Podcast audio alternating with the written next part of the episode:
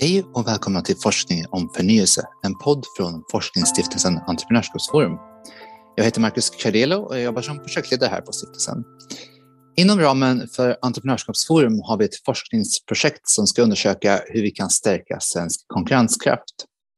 En av rapporterna som tagits fram inom projektet var om svensk elförsörjning som vi diskuterade förra avsnittet. Den här gången har vi en minst lika aktuell fråga inom samma forskningsprojekt och det är om de svenska tillståndsprocesserna.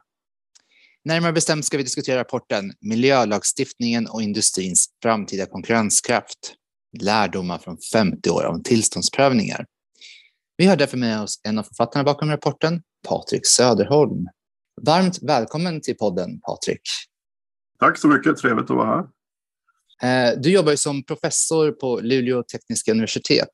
Vad är det för inriktning eller forskningsintressen du har? Eh, ja, jag är ju nationalekonom i grunden och, eh, men har hela min karriär egentligen jobbat med frågor inom miljö, energi, naturresursekonomi.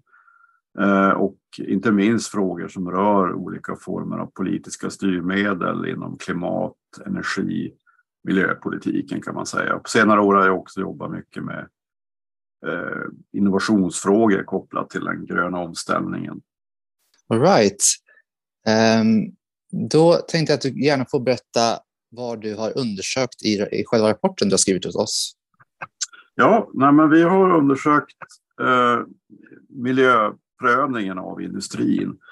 Eh, och den fråga vi ställer oss egentligen det är hur, hur kan miljöprövningen av industriell verksamhet utformas så att den å ena sidan ställer, klarar av att ställa ganska höga miljökrav på verksamheter men samtidigt inte äventyra då framtida investeringar och konkurrenskraft. Eh, och, eh, och det är en speciellt viktig fråga idag eftersom många av de industriella investeringar vi står inför idag är ju centrala för, inte minst för klimatomställningen. Och sen så är ju en viktig poäng med rapporten också att vi tycker då att det finns väldigt viktiga lärdomar att dra från historien. Så vi, det är det vi vill liksom lyfta fram i den här rapporten, att här kan man lära sig mycket om, även om dagens prövning. Vad har ni hittat för svar på den frågan? Går det att göra tillståndsprocesserna bättre och eh, samtidigt eh, upprätthålla ett bra miljöskydd? Ja, men vi tycker det. Alltså det. Man kan väl säga att det finns Ska man i korthet beskriva resultaten så är det väl att, att det det finns tre kriterier för en ändamålsenlig miljöprövning, grovt sett.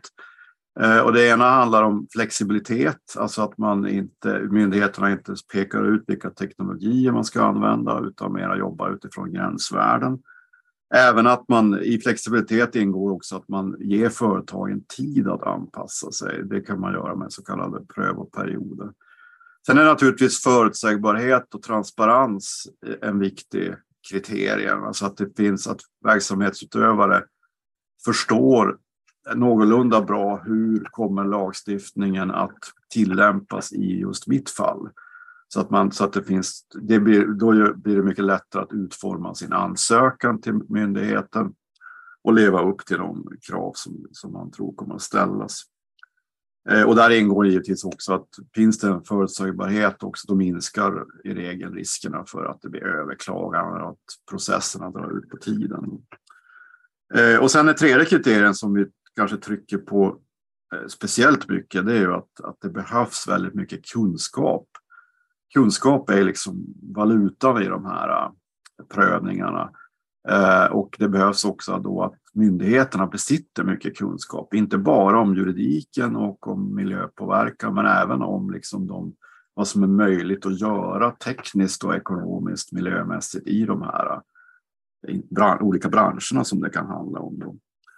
Eh, och där ingår naturligtvis också att det finns en, liksom en tillit och väl fungerande dialog då mellan industri och myndighet. Så det är väl lite liksom kort de eh, eh, kriterier som vi ser framför oss. Och då är våran poäng lite grann att, att den här, de här kriterierna var ganska väl uppfyllda under den miljöprövning som vi hade under eh, 70 och 80-talet i Sverige. Alltså när, vi, när, vi, när miljöskyddslagen, alltså miljöbalkens föregångare var, fanns. Eller det var den som gällde så att säga då, i svensk rätt.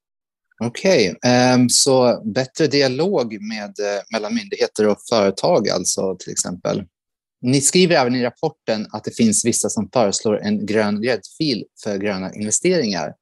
Uh, och det finns även förslag på en mer holistisk miljöprövning. Mm. Uh, men vad, vad innebär det här egentligen? Ja, grön gräddfil innebär väl lite enkelt uttryckt att man pekar ut vissa, eller man ställer kriterier att vissa projekt är liksom viktigare ur hållbarhetssynpunkt än andra. Att man exempelvis klimatsynpunkt då, att man tänker att det här är ett speciellt viktigt industriellt projekt för eh, att eh, uppnå lägre utsläpp globalt av växthusgaser. Och då får den helt enkelt förtur i tillståndsprövningen och kanske liksom en viss specialbehandling så att det inte drar ut på tiden då, utan man, man ser till att, att det går lite snabbare för de projekten. En holistisk miljöprövning, det är ju en mer komplex sak eh, och där finns det väl lite olika varianter. Men en del hävdar ju då att man eh, Idag är det ju så att miljöbalken har ganska stort fokus på liksom ekologisk hållbarhet och kanske framförallt lokal miljöpåverkan. Och en del menar att man måste bredda prövningens innehåll så att den tar hänsyn till alla dimensioner av hållbarhet. Alltså, exempel, alltså både eh, social, ekonomisk, ekologisk hållbarhet och till och med väger de här mot varandra.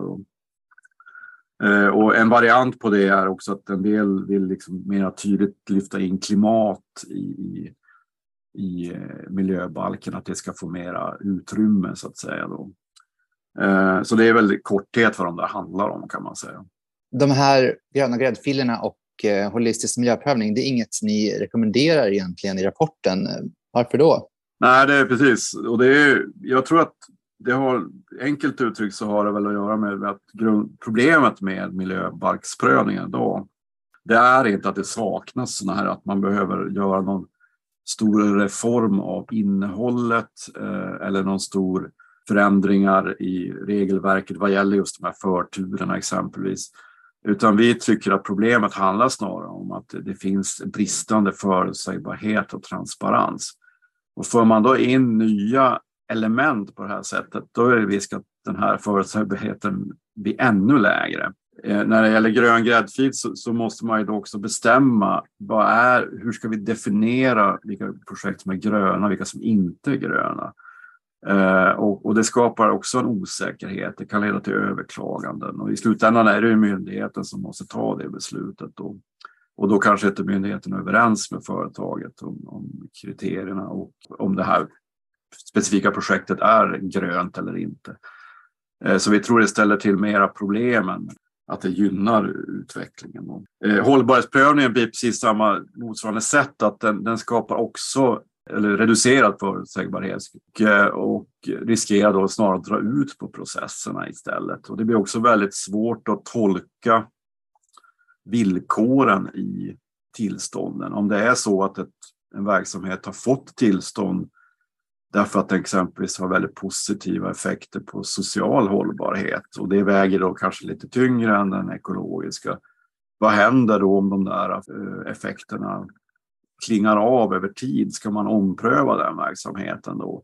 Så det, det skapar väldigt mycket osäkerhet och det, så det, vi tror att det är bättre att snarare då att renodla miljömarken och, och bibehålla det här fokuset på i första hand lokal miljöpåverkan.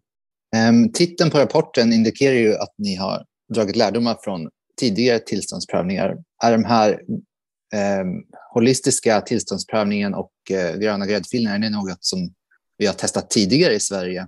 Uh, nej, det kan man inte, inte vad jag vet i alla fall kan man väl säga. Men, eh, och jag tror att det snarare var så att om man går tillbaka 40-50 år och tittar på just miljöskyddslagen, så den tillämpades, då var det snarare tvärtom, att man hade ganska tydligt fokus på lokal miljöpåverkan. Samtidigt så var det också så att det fanns en tydlig, vad ska jag säga, fingervisning från myndigheternas sida och från regeringens sida att, att det här är verksamheter som vi vill ha kvar. Eh, men de måste leva upp till tuffa miljökrav. Så, att, eh, så man gav instruktioner till då de myndigheter som prövade de här verksamheterna då att, att verkligen sätta press på företagen att reducera sina utsläpp. Så, att, så i korthet så var det nästan svaret tvärtom att man man, eh, man hade inte den här holistiska avvägningarna, försökte man inte ge sig in på. Det. Finns det andra historiska lärdomar som du tycker att vi behöver eh, prata om här? Vad har, vad har fungerat bra förut och kanske även saker som inte har fungerat så bra? Det finns, det finns mycket som är spännande tycker vi. Och, dels som jag nämnde tidigare så är det just det här att man, mycket av de här kriterierna nämnde, tre kriterier eh, som jag tog upp tidigare, de var ju, man, man kunde leva upp till dem i ganska hög grad. Och, och ska man trycka speciellt på en sak så tycker vi att man, det fanns under den här tidiga prövningarna en väldigt stark dialog och samverkan mellan prövande myndigheterna Eh, och eh, industrin. Eh, och hela den här, det fann, man bytte mycket kunskap mellan varandra och det fanns en tillit, att man litade på varandra. Myndigheterna själva, inklusive då remissinstanser som Naturvårdsverket exempelvis, de hade väldigt mycket kunskap om de här industrierna. Och, och därför kunde man också tillsammans mejsla fram ganska tuffa miljövillkor så att säga. Eh, men, men också då ge företagen tid att anpassa sig till de här och testa olika lösningar. Eh, så, så det där just den här frågan om tillit och dialog och samverkan var ju väldigt framträdande och, och, och viktig då för, för att det blev framgångsrikt skulle jag säga. Okej, okay. vi har ju varit inne på det här lite med prövoperioder också, eh, som du nämnde Eh, tidigare i podden. Eh, och jag får också uppfattningen från rapporten att det är någonting som ni, som ni liksom förordar. Eh, men finns det några problem med dem eller är det rakt igenom bra? Nej, men det, är, det är en bra fråga för att anledningen till att vi trycker på, vi, vi tycker att det är bra i grunden så att säga då. Eh, anledningen till det är ju just att, att det blir lättare att komma längre i miljöanpassningen om man ges tid att testa olika lösningar. Och ibland, som jag sett historiskt, också till och med utveckla ny teknik. Men det är ju som du säger, det, det är inte bara liksom, positiva egenskaper eh, i det här sammanhanget, utan en, en nackdel kan ju vara att om myndigheterna ger företagen prövoperioder då hamnar man kanske nästan i en liten gisslansituation. Om då företaget kommer efter tre år och säger att ja, men nu har vi prövat det här eh, och det funkade inte. Och då kan myndigheterna ha svårt att liksom säga att ja, men då kan vi inte ge tillstånd. Alltså man har liksom bundit sig fast vid att kanske den här verksamheten ändå bör finnas så att säga. Då. Eh, så det kan vara ett svårt förhandlingsläge då för myndigheterna. Eh, men där är lite vår poäng igen, att, att just kunskap hos de reglerande myndigheterna, de prövande myndigheterna, är väldigt centralt. Och de, har man det så blir det också lättare att implementera en sån här instrument som prövoperioder. Men definitivt så, så ska man inte liksom gödsla med de här eh, i alla lägen kanske. Det, så är det ju. Ett av era förslag är som sagt att myndigheterna bör mer aktivt bidra med vägledning och dialog under tillståndsprocesserna. Men är inte en sån förändring svår att åstadkomma? Eh, kan, man, kan det inte vara liksom kultur som sitter i väggarna? Ja, men jag tror det. Jag tror att eh, det är också en relevant fråga och jag tror korta svaret är väl att absolut, det, kan, det, det är ju en viss mått av kultur eller liksom hur man förhåller sig till det här. Jag tror att många i industrin idag upplever att att det är liksom ett ganska jobbigt partsförhållande. Det blir nästan som ett brottsmål på något vis. Eh, och eh, och man, man vill båda, jag tror både myndigheter och företag vill ha mer kontinuerlig dialog. Eh, och, eh, och det kan ju vara så att det, det är inte liksom jättelätt att åstadkomma. Samtidigt ska man komma ihåg att, att eh, myndigheterna ska ju liksom, de har ju faktiskt som uppgift att vara lite processledare i de här eh, tillståndsärendena. Då. Eh, och, eh, och, man, och det finns ju möjligheter att liksom försöka skärpa till lagstiftningen så att de faktiskt tar det ansvaret i högre grad. Då. Men sen ligger det också givetvis ett ansvar hos företagen att ta de här prövningarna på stort allvar och göra så bra ansökningar som möjligt och ta kontakt med myndigheterna tidigt för att klargöra saker så att man slipper liksom problem längre fram. Då. Men, men det, är, det, är, det är inte en helt jätteenkel fråga givetvis. Vi har ju pratat lite här av och till om eh, dialog och mer kunskap hos myndigheterna. Och om jag ska förstå er rätt så är ni inte inne så mycket på att man behöver förändra i själva miljöbalken. Men kan vi få, få till de här förändringarna som krävs så, så att vi får snabbare tillståndsprocesser utan att ändra i miljöbalken? Ja, vi tror ju det. Alltså, det är klart att det finns saker man kan tänka sig att man vill förändra i miljöbalken. Exempel, ett exempel kan vara det här som vi just pratade om, att man kan skriva fram tydligare vilka roller som olika myndigheter har och eh, hur ansvars, eh, liksom ansvarsbördan ligger när det gäller de här att driva processen framåt. Men de här mer genomgripande förändringarna tror vi inte behövs. Alltså det vi pratade om tidigare med holistisk miljöprövning är ett bra exempel på det.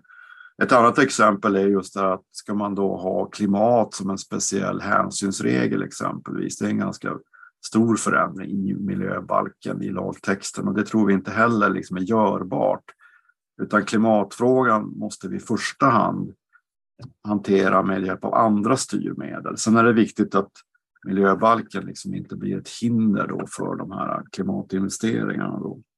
Så vi tror ju framför allt att, att eh, eh man måste studera mer hur, hur implementeras miljöbalkens regler i praktiken. Alltså vad är det för aktörer som är inblandade i de här prövningarna? Vad har de för kunskap? Finns det en väl fungerande dialog? Alltså de här lite mjukare frågorna kan man säga. Eh, ibland kan det också, tror vi, behövas lite mer vägledning. Alltså man kan tänka sig mer branschvisa vägledningar där man kommer överens liksom, på förhand i någon mening. Hur ska man betrakta vissa frågor? Hur ska, man, hur ska vi förhålla oss till dem, om gruvdammar eller utsläpp av en viss typ? Eh, för då, då skapar det mindre Eh, tveksamheter när man väl står inför en reell prövning, liksom ett riktigt fall. Då. Så det, det, finns en rad saker man kan göra där som vi tror i, i längden är mer effektiva. Så att miljö, svenska miljöbalken är liksom inget det är inget stort fel på den, tycker vi kort sagt, utan det är mera i, i tillämpningen och praxis som man bör se över. Ser ni något behov av någon konkret reform av lagutrymme Alltså vi lyfter inte fram det själva i rapporten. Däremot kommenterar vi den här senaste statliga utredningen, det som heter miljöprövningsutredningen. För där tycker vi att vi tycker att de fokuserar på rätt saker i den utredningen, just de här äh, mera praxisfrågorna. Och de har ju en del ganska konkreta förslag. Äh, men, och då är det, en del handlar ju faktiskt om förändringar i lagtexten. Men då är det ju mer förtydligande att man vill framhäva just det här med alltså få till en bättre processledning. Eh, man har lite förslag också om det här med ändringstillstånd exempelvis, att det ska vara lättare att liksom om, man, om ett företag vill göra lite små ändringar, att inte allt ska prövas då på nytt utan att man kan just få tillstånd just bara för de här enskilda ändringarna. Så, att, så den utredningen tycker vi innehåller en del bra förslag, eh, varav en del faktiskt innebär en del förändringar i själva lagtexten också. Men, men, men i stora hela så är det inte det vi, vi tycker är det absolut viktigaste. All right. Den som är extra intresserad kanske kan ta och läsa den där utredningen helt enkelt. Om vi ska sammanfatta lite så har vi ju i podden idag täckt förslag om att företag bör betrakta kunskap om miljölagstiftningen som en kärnkompetens att myndigheterna bör bli mer eh, aktiva med att bidra vägledning och dialog. Eh, förbättrad förutsägbarhet eh, genom tydligare riktlinjer för prövning och att en kombination av provisoriska villkor och prövperioder i högre grad kan utnyttjas. Kan man sammanfatta det så? Ja, det tycker jag. Uh, har du något mer att tillägga innan vi avslutar, Patrik? Uh, ja, jag skulle vilja säga, dra, slå ett slag igen för det här med vikten av kompetens och kunskap i prövningen. Idag är det ju så att industrin, inte minst här uppe i Norrland där jag sitter, industrin skriker ju efter arbetskraft. Eh, och, eh, och, så att kompetensförsörjning är ju en nyckel för att klara av den här gröna omställningen. Men vi måste komma ihåg då också att även myndigheterna behöver kompetens. Eh, för då kommer de här processerna, alltså tillståndsprocesserna, fungera bättre. Eh, och där har vi ett dilemma som beslutsfattarna måste eh, ta på allvar. För att till viss del så konkurrerar ju myndigheter och industri också om samma personer. Eh, så det, det kommer bli en stor utmaning att klara av den här gröna omställningen utifrån just ett kompetensperspektiv. Och myndigheterna är viktiga också där i det sammanhanget. Jag har ju haft en del rapporter på just kompetensförsörjning och kommer även ha i framtiden, så man kan ju hålla utkik på vår hemsida för det. Stort tack Patrik för din medverkan idag. Mm, tack så mycket. Rapporten som vi har pratat om idag finns såklart att ladda ner på Entreprenörskapsforums hemsida. Tack till dig som har lyssnat.